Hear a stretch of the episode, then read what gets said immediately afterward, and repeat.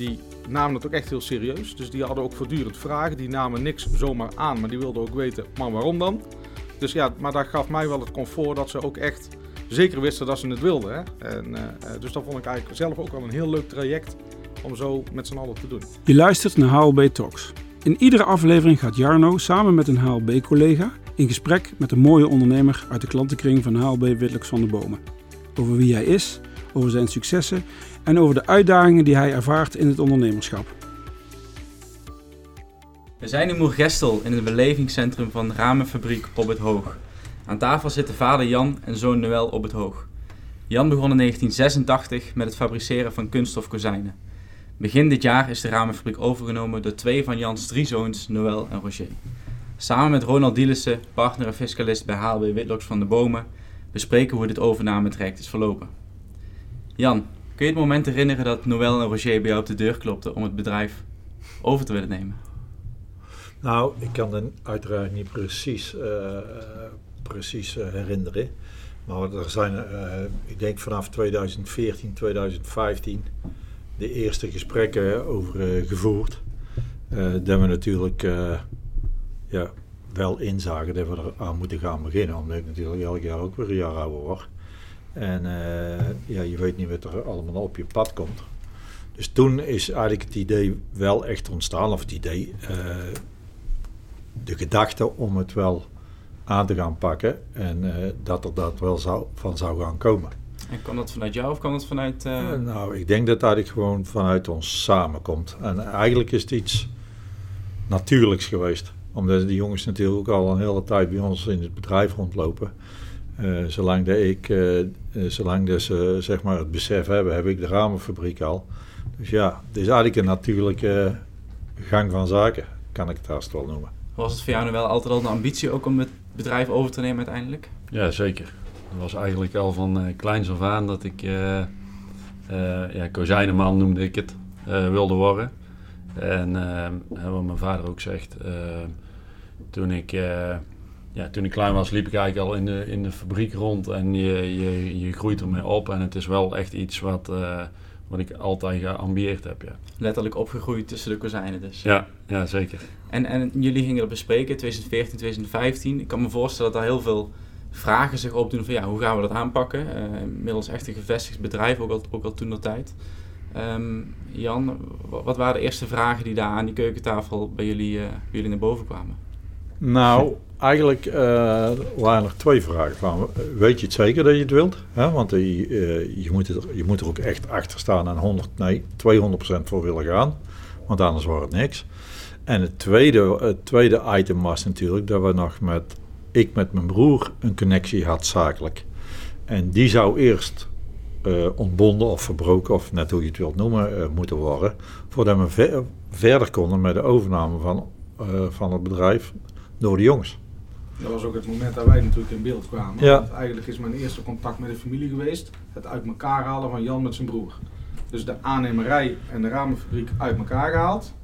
Ja, toen is Jan met die ramenfabriek verder gegaan. En toen zijn we weer verder gaan denken over bedrijfsvervolging op termijn. Want dit was uh, oktober 2016 uit mijn hoofd. Ja.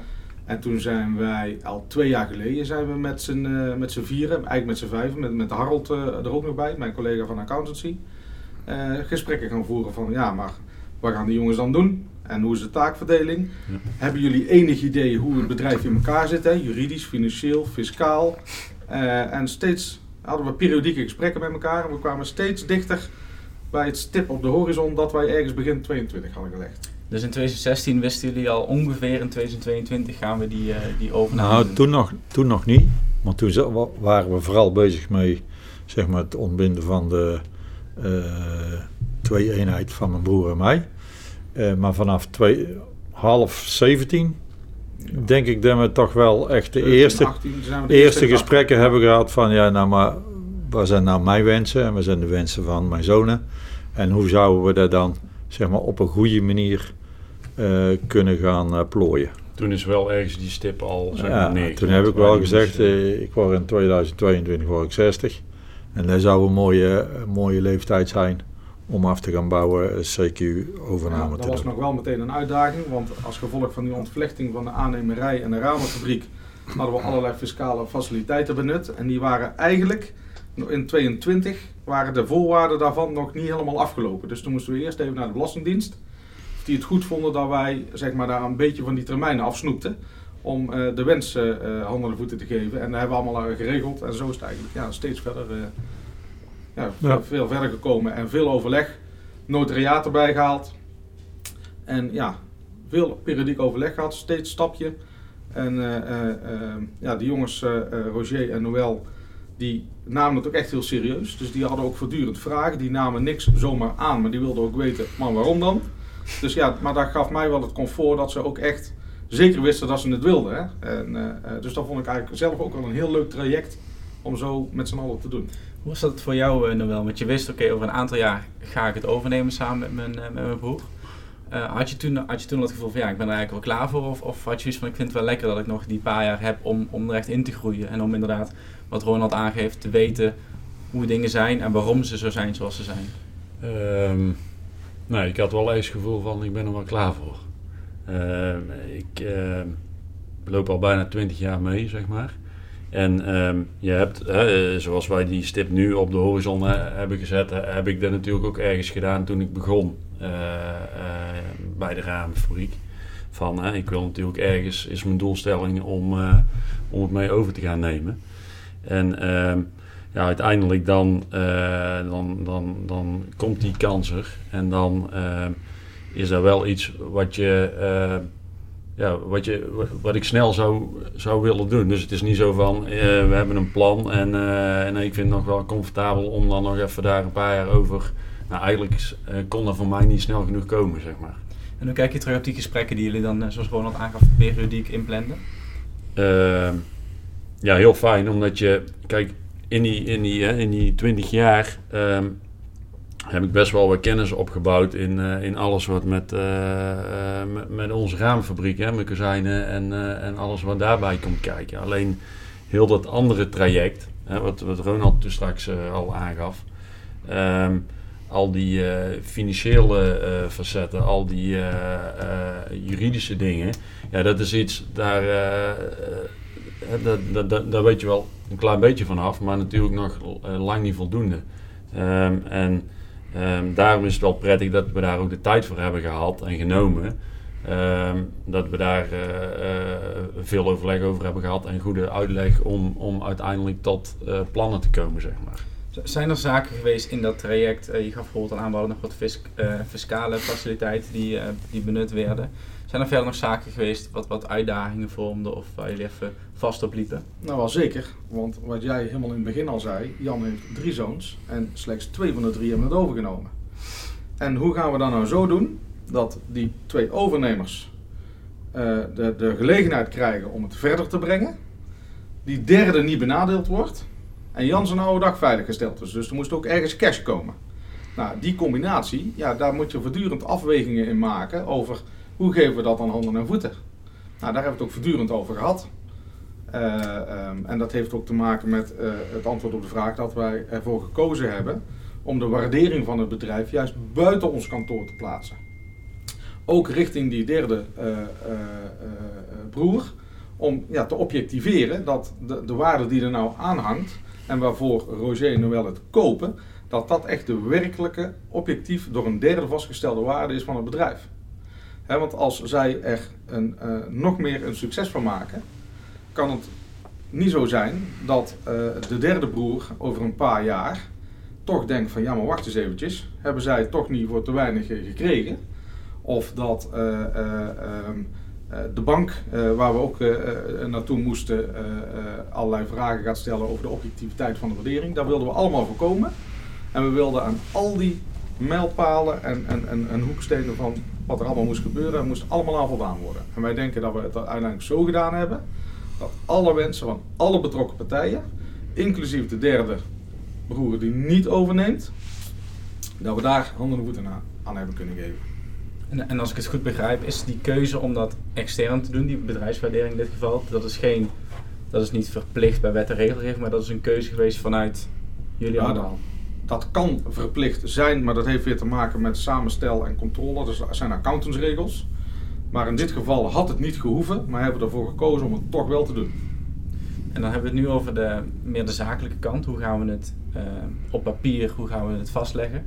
Als je kijkt naar de menselijke kant, hoe waren die gesprekken met inderdaad de derde zoon ook aan tafel om, om zaken bespreekbaar te maken die uh, anders nooit besproken werden? Ja, ik denk niet dat er zaken eigenlijk niet besproken zijn geweest. Uh, wat ik zelf wel heel interessant vond was, ja, op een gegeven moment heb ik natuurlijk de vraag aan, aan uh, Noël en Roger gesteld. Ja, jullie zijn met z'n tweeën.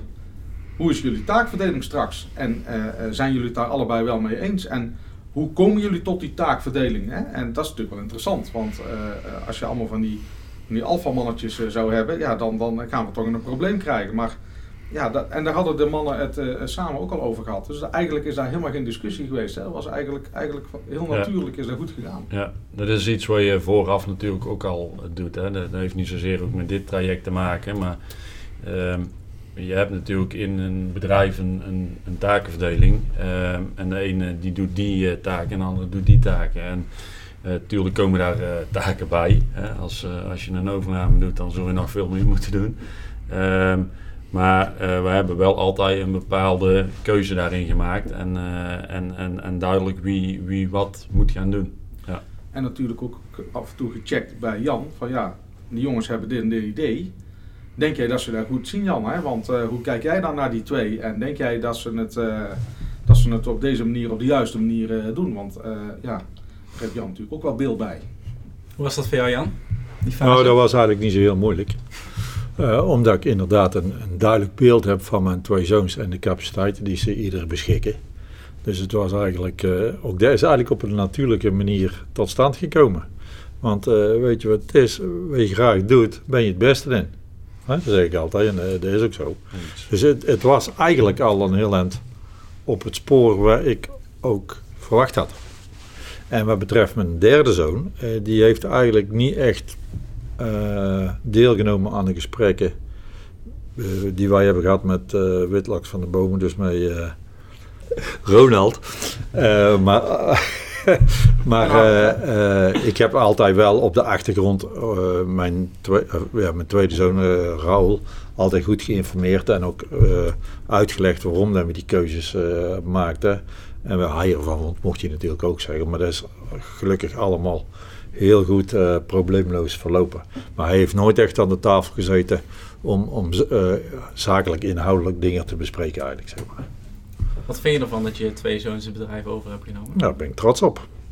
Uh, ik zou het leuk vinden als ze met drieën hadden gedaan, maar er staat natuurlijk maar één ding bij mij voorop en dat is het welzijn van mijn kinderen. Dus ja, als hij een andere keuze maakt, mijn zegen heeft hij en ik hoop dat hij heel gelukkig is in die keuze. En dat is hij volgens mij ook. Dus dat is alleen maar goed. En verder ben ik heel trots op, uh, op Noël en Roger. Dat ze die stap willen, durven en hopelijk ook kunnen maken. En daar vertrouw ik op. En, en welke rol ben je zelf gaan, uh, gaan innemen na die overname? Adviserende rol.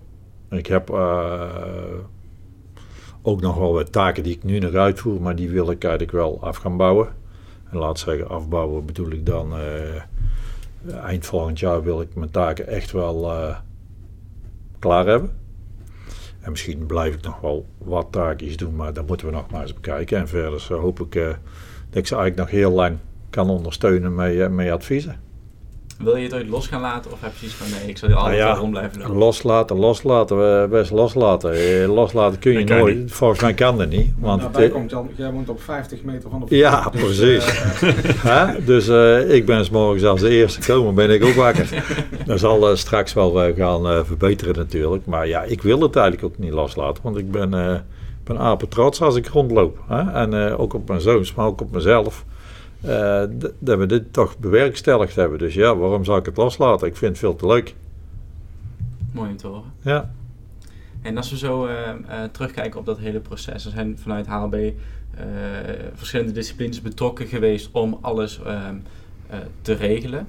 Hoe was voor jou nou wel het contact met verschillende mensen van wel dezelfde organisatie? Hoe verliep dat? hoe bedoel je precies? Nou, maar je hebt, je hebt naast uh, Ronald heb je ook met, uh, je noemde al Harold te maken, ja, ja, ja, maar nog met een aantal andere specialisten van, van HLB, want iedereen heeft zijn eigen vakgebied weer. Ja, Stefan van het notariaat. Hè, en, ja. En, uh, ja, nou wel het meeste met Ronald en, en Harold dan. Ehm, ja, de contact is goed. voelt vertrouwd, professioneel. Ehm, en ik denk ook omdat we juist die tijd uh, ertussen hebben gehouden. Dus dat we echt de tijd hebben genomen voor die, om, om die overname te realiseren. Um, ja, dat je dan uh, een soort relatie opbouwt en dat je dan ook gewoon uh, makkelijker bij elkaar zit. Dus dat het niet alleen uh, puur zakelijk is, maar dat er ook gewoon een keer gelachen kan worden. Dus, er moet elke dag gelachen worden. Ja, dat, dat, dat, zegt Noël nou zo heel makkelijk, maar dat is eigenlijk helemaal niet vanzelfsprekend. Um, kijk, nou, lachen is toch... Nou, lachen dat is wel vanzelfsprekend. Maar het feit, kijk, wij hebben het nou zo gedaan en zo, zo is het ook, heeft het ook gevoeld en jij had ook het gevoel dat, dat wij er voor jullie alle drie uh, waren. Zeker. En we maken natuurlijk ook wel eens mee dat de overnemers ons toch een beetje in het kamp van de overdrager uh, uh, plaatsen. En daarmee voor zichzelf een soort tegengesteld belang zien. Nou denk ik wel dat het natuurlijk meer is als je extern je bedrijf ja. verkoopt. Hè? Ja, maar ook wel binnen families hoor. Ja? En ik denk dat het feit dat wij zo'n ruim aanloopproces hebben gehad en heel veel met elkaar gesproken hebben, dat dat daar ook wel heel goed in is geweest. Om eh, ook duidelijk te maken, ja, uiteraard zijn we er voor Jan, maar we zijn er ook voor jullie. En we zijn er natuurlijk ook voor het bedrijf. En ja. uh, uh, dat klinkt heel logisch, maar dat is toch minder vanzelfsprekend, althans zo ervaar ik dat altijd, als dat misschien zou klinken. Ja, maar volgens mij hebben we het daar zelfs nog eens een keer over gehad. Ja. dat als dat gevoel er was, dat er nog een andere dingen dat je daar een andere samenwerking in kon doen. Maar, maar dat begint natuurlijk ook al met het onderlinge vertrouwen waar wij naar elkaar hebben. Als er daar al niet is, dan is het natuurlijk al een eh, veel moeilijkere missie. Hè? Ja. Maar bij en dat is er gelukkig wel altijd geweest. altijd geweest. Ja, ja, ja. Een prachtig vertrekpunt natuurlijk. Ja, zeker. Is het lastig om, om, om ja, meerdere petten wil ik niet noemen, want uiteindelijk ben je er inderdaad voor allemaal. Maar het kan inderdaad wel een valkuil zijn dat je per ongeluk alleen maar op de stoel of aan de kant van de overdrager gaat staan. Hoe, hoe ga je daarmee om? Doordat uh, als je uh, uh, dat aanziet komen, door dat bespreekbaar te maken. En wel aan de voorkant. niet te denken van nou, misschien zien ze het niet. Nee, als er zoiets aankomt, hè, want als je met een kopende en een verkopende partij hebt, ja, dan, dan, dan hoeft dat niet allemaal parallele belangen te zijn. Maar dan moet je gewoon bespreken met elkaar. En als ik aan Jan uitleg waarom ik iets zou willen omdat dat voor Roger en uh, uh, Noël beter is. Of aan die twee uitleg waarom sommige dingen voor Jan beter zijn. Zodat ze zich ook in elkaars gedachten kunnen verplaatsen. Ja, dan kom je er altijd uit. Maar je moet dat open, aan de voorkant en helder bespreekbaar maken. En dat hebben wij eigenlijk voortdurend gedaan. Ja, dat heeft eigenlijk nooit tot enorme discussies geleid. Ronald, we hebben nu dit, dit hele opvolgingstraject hebben we, hebben we doorgenomen. Ik ben wel benieuwd naar wat, wat maakt voor jou de Ramenfabriek nou zo'n zo mooie klant om om mee samen te werken, om, om bij langs te komen? Nou, het is een echt familiebedrijf. Uh, het is een echt Brabants familiebedrijf. Daar heb je misschien ook al kunnen horen uh, hier aan voorafgaand. Um, ze staan allemaal met de poot in de klei. Ehm, het zijn echte ondernemers die gewoon rete hard werken, maar ook er heel veel plezier in hebben. We kunnen alles bespreken. en als het een keer niet goed gaat, kunnen we het ook bespreken. Dat is ook belangrijk hè. En uh, ja, de, de passie die zij voor hun product hebben, dat vind ik mooi. En uh, daar vind ik in, zijn algemeenheid, eh, het ontbreekt heel veel mensen vaak aan passie, echt ergens voor willen gaan. En daar kun je echt enthousiast over zijn. Nou, ik vind het echt hartstikke leuk en daar zijn zij. En uh, ja, daar weer meehelpen aan het de volgende stap zetten, weer een nieuwe fase. En daar komen straks weer nieuwe uitdagingen bij. Ja, dat vind ik gewoon hartstikke leuk. Dat vind ik leuk om te doen. En wat wij dan ja, als fiscalisten vaak doen, is ook een soort, ja, een beetje een soort uh, regisseursrol uh, vervullen. Hè? Dus uh, met de accountants, met de juristen, in dit geval ook nog met dan die externe waardeerder. en dan alles met elkaar bespreken en samen zorgen dat de garen op het loskomt. Ja, dat is gewoon leuk. Hoe is dat voor jou om te horen, Jan, dat, dat die passie zo dat dat, zo, dat zo'n uitstraling heeft van jullie bedrijf? Nou, dat is altijd goed te horen natuurlijk. Maar uh, dat er die passie is, ja, dat weet ik al 35 eh, jaar. Hè? maar het is altijd natuurlijk leuk om te horen uh, dat andere mensen ook zien dat je die passie hebt. Hè? En dat ik die ook heb door kunnen geven aan mijn twee zonen. Dus ja, bedankt. En op jullie, op, op, jullie website las ik ook een mooie quote. Jullie willen liefst alles zelf doen. Kun, ja. kun, kun je die eens toelichten, Noël? Waar komt dat vandaan? Um, Nou ja, in principe, uh, kijk, je kunt natuurlijk nooit niet alles zelf doen. Hè? Uh, dat, dat is ook hetgeen wat we, uh, waarom Ronald ons ondersteund heeft in dit traject. Ehm, maar in ons vakgebied willen we zeker alles, alles zelf doen. En daarmee bedoelen we eigenlijk vooruitstrevend zijn, ehm, dingen ontwikkelen, ehm, ja, zorgen dat we vooruitlopen op, op de rest. dat wordt daar eigenlijk mee bedoeld. En Jan noemde in het voorgesprek al een mooi voorbeeld ervan. Want je hebt in 2017, als ik me goed herinner, heb je een, uh, de, website omgegooid in die zin dat er een offerte uh, tool opkwam. Kun je eens toelichten hoe dat idee is ontstaan en wat dat heeft gedaan voor het bedrijf? Waar we natuurlijk aanvragen binnenkregen door middel van mensen die zaterdag een keer een rondje showrooms gingen doen of, of die een afspraak maakten. Ja, krijgen we nu de aanvragen op een andere manier binnen. Daardoor uh, kun je natuurlijk veel meer aanvragen verwerken. Uh, en daardoor is die omzet natuurlijk ook uh, geëxplodeerd. Ja. ja. Wat dacht jij toen, Jan? Waar komen al die aanvragen ineens vandaan? ja, het was wel. Want in, in het begin was ik nog wel een beetje sceptisch, inderdaad. Want ik ben natuurlijk van de oude stempel. maar daar was we eigenlijk wel snel over. Want ik zag wel dat de eerste aanvragen een heel stuk meer werden. En toen de tool echt draaide, zag ik ook hoe snel dat we zeg maar de mensen konden beantwoorden en dus uh, meer uh, omzet konden binnenhalen. Hè? Want ja, eerst deden we per vertegenwoordiger 40 uh, eh, offertes in de, in de week. Of nee, in de maand. ja. En dan maakten we 150 in de week. Hè? En ik denk dat dat aantal nu nog veel hoger is. Dus ja, dat was chapeau voor Noël. Want dat is toch de man die het bedacht. Hè? En ja, een hele goede zet geweest. En, en trouwens uh, toen zijn we allemaal enthousiast geworden. En, en wat ik net zei, uh, er is steeds meer bijgekomen. En als ik het nou zie, kunnen we eigenlijk gerust zeggen dat we een eigen intern uh, softwarepakket hebben ontwikkeld. we zeker niet goedkoop is geweest en, en, nog niet is. Maar waar we wel heel veel echt klant, of, klantgericht, maar ook productgericht en bedrijfsgericht mee kunnen werken. En dat is natuurlijk wel, wel goud. Als we het daarover hebben, over, uh, over nieuwe dingen en over de toekomst, hoe, hoe kijk jij naar de ramenfabriek over vijf jaar? Heb je daar concrete ideeën bij? Ja, dat is altijd moeilijk, hè? nou ja, over... Uh, vooral nou, hè? Sorry? Vooral nu. Ja, vooral nu, ja. Nou ja, kijk, over vijf jaar... Uh, um, wij, ik en, en Roger hebben natuurlijk net de overname achter de rug. Hè? En ik denk dat het goed is dat je natuurlijk altijd uh, vooruit wilt en dat je uh, um, uh, daarin wilt groeien. Um, ik denk wel, en dat, hè, dat hebben we ook met elkaar besproken, dat je, dat, dat gestaag moet gaan en gecontroleerd. En dat we, moeten kijken dat we op die manier um, ja, gewoon, gewoon lekker bezig blijven. En dan moet natuurlijk, natuurlijk willen we groeien en, en willen we daarin nog groter worden. Alleen ja, op het moment weet je ook niet precies wat uh, de markt doet. En uh, zijn er uh, best wel behoorlijk gekke ontwikkelingen in alles. Plus de krapte op de arbeidsmarkt. Hè? Ja. Dat speelt natuurlijk ook. ja, dus er zijn best wel wat factoren hè, waarvan je zegt, ja, daar moeten we nu alweer als nieuwe eigenaren zeg maar, omheen zeilen en mee manoeuvreren. Ehm, en laten we, daar eens, laten we daar eens de komende jaren gewoon een stabiele, stabiel bedrijf in houden. Zeg maar. Zijn dat dan ook de zaken waar jullie op dit moment het meest, uh, uh, ja, misschien niet wakker van liggen, maar het meest aanlopen, bijvoorbeeld die, die krapte op de arbeidsmarkt?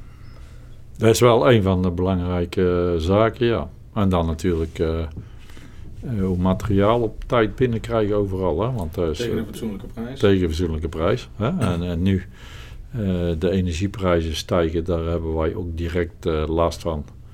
In verband met je inkoop van glas en dergelijke. Want dat is gekoppeld aan de energieprijzen. Dus er zijn ook geen beste ontwikkelingen. Dus ja, dat zijn eigenlijk wel de grootste problemen waar we nu, of de grootste zorgen waar we nu uh, eigenlijk mee uh, te kampen hebben. Hè. Uh, de arbeidsmarkt, het materiaal en de, en de prijs. Dus werk is er in principe genoeg. En Ronald, ter, ter afsluiting, we hebben het hele tijd over die overname gehad, de bedrijfsopvolging. als ik dat zo hoor, is dat, is dat heel mooi verlopen voor alle, voor alle partijen, alle betrokkenen. Nu staat achter de rug, grotendeels. Wat, wat zijn nu zaken waarmee jij als relatiebeheerder richting de ramenfabriek uh, mee bezig blijft houden? Nou, wij zijn met podcast. Met een podcast inderdaad. Nou, we zijn met de beide mannen individueel nu bezig, hè, want ze moeten ook dingen regelen als voor de arbeidsongeschiktheid, testamenten, levenstestamenten. Roger heeft net een, een, nieuwe woning. Nou, hoe gaan we dat dan allemaal regelen? Dat voor wat betreft de, de, de, de mannen zelf en hun eigen persoonlijke BV'tje. Maar daarnaast inderdaad uh, ook zorgen dat uh, uh, we meedenken over hoe het hier stabiel blijft. En eventuele problemen met elkaar tackelen. Kansen kijken of we die kunnen benutten, ja en nee. En Jan helpen we weer, want die zit in een nieuwe fase in zijn leven. Hè. Dus we hebben nou in deze overdracht in ieder geval getracht. En ik denk ook wel dat dat gelukt is zijn oude dag als het ware veilig te stellen. Maar dat betekent niet uh, dat dan niet nog uh, dingen moeten gebeuren. Nou, wat dan precies en hoe gaan we dat dan doen? Dat was verstandig. En behalve wat verstandig is, waar heb je een goed gevoel bij? En nou, dat soort gesprekken die, die voeren we nu. alle drie de mannen zitten in een volgende fase. De twee mannen als, als ondernemer in één keer, in plaats van als op de loonlijst. En Jan in één keer als halve pensionado, hè, want hij is er toch altijd nog wel. Uh, en dat is ook weer iets nieuws. En, nou, en, en, daar moeten we het allemaal over hebben met elkaar. En dus dat doen wij ook nog steeds periodiek. Ja. Dan wil ik jullie alle drie hartelijk bedanken voor dit, voor dit gesprek. Ik heb een enorm mooi beeld gekregen van het bedrijf, maar ook van het hele proces en hoe soepel het eigenlijk in ieder geval voor de buitenstaanders ja. is verlopen. En volgens mij denken jullie er ook zo over. Dus, ja, precies. Ja. Bedankt voor dit mooie gesprek, heren. Graag, graag gedaan. Bedankt voor het luisteren naar HLB Talks. Wil je meer weten over onze dienstverlening? Kijk dan op onze website hlb-wvdb.nl.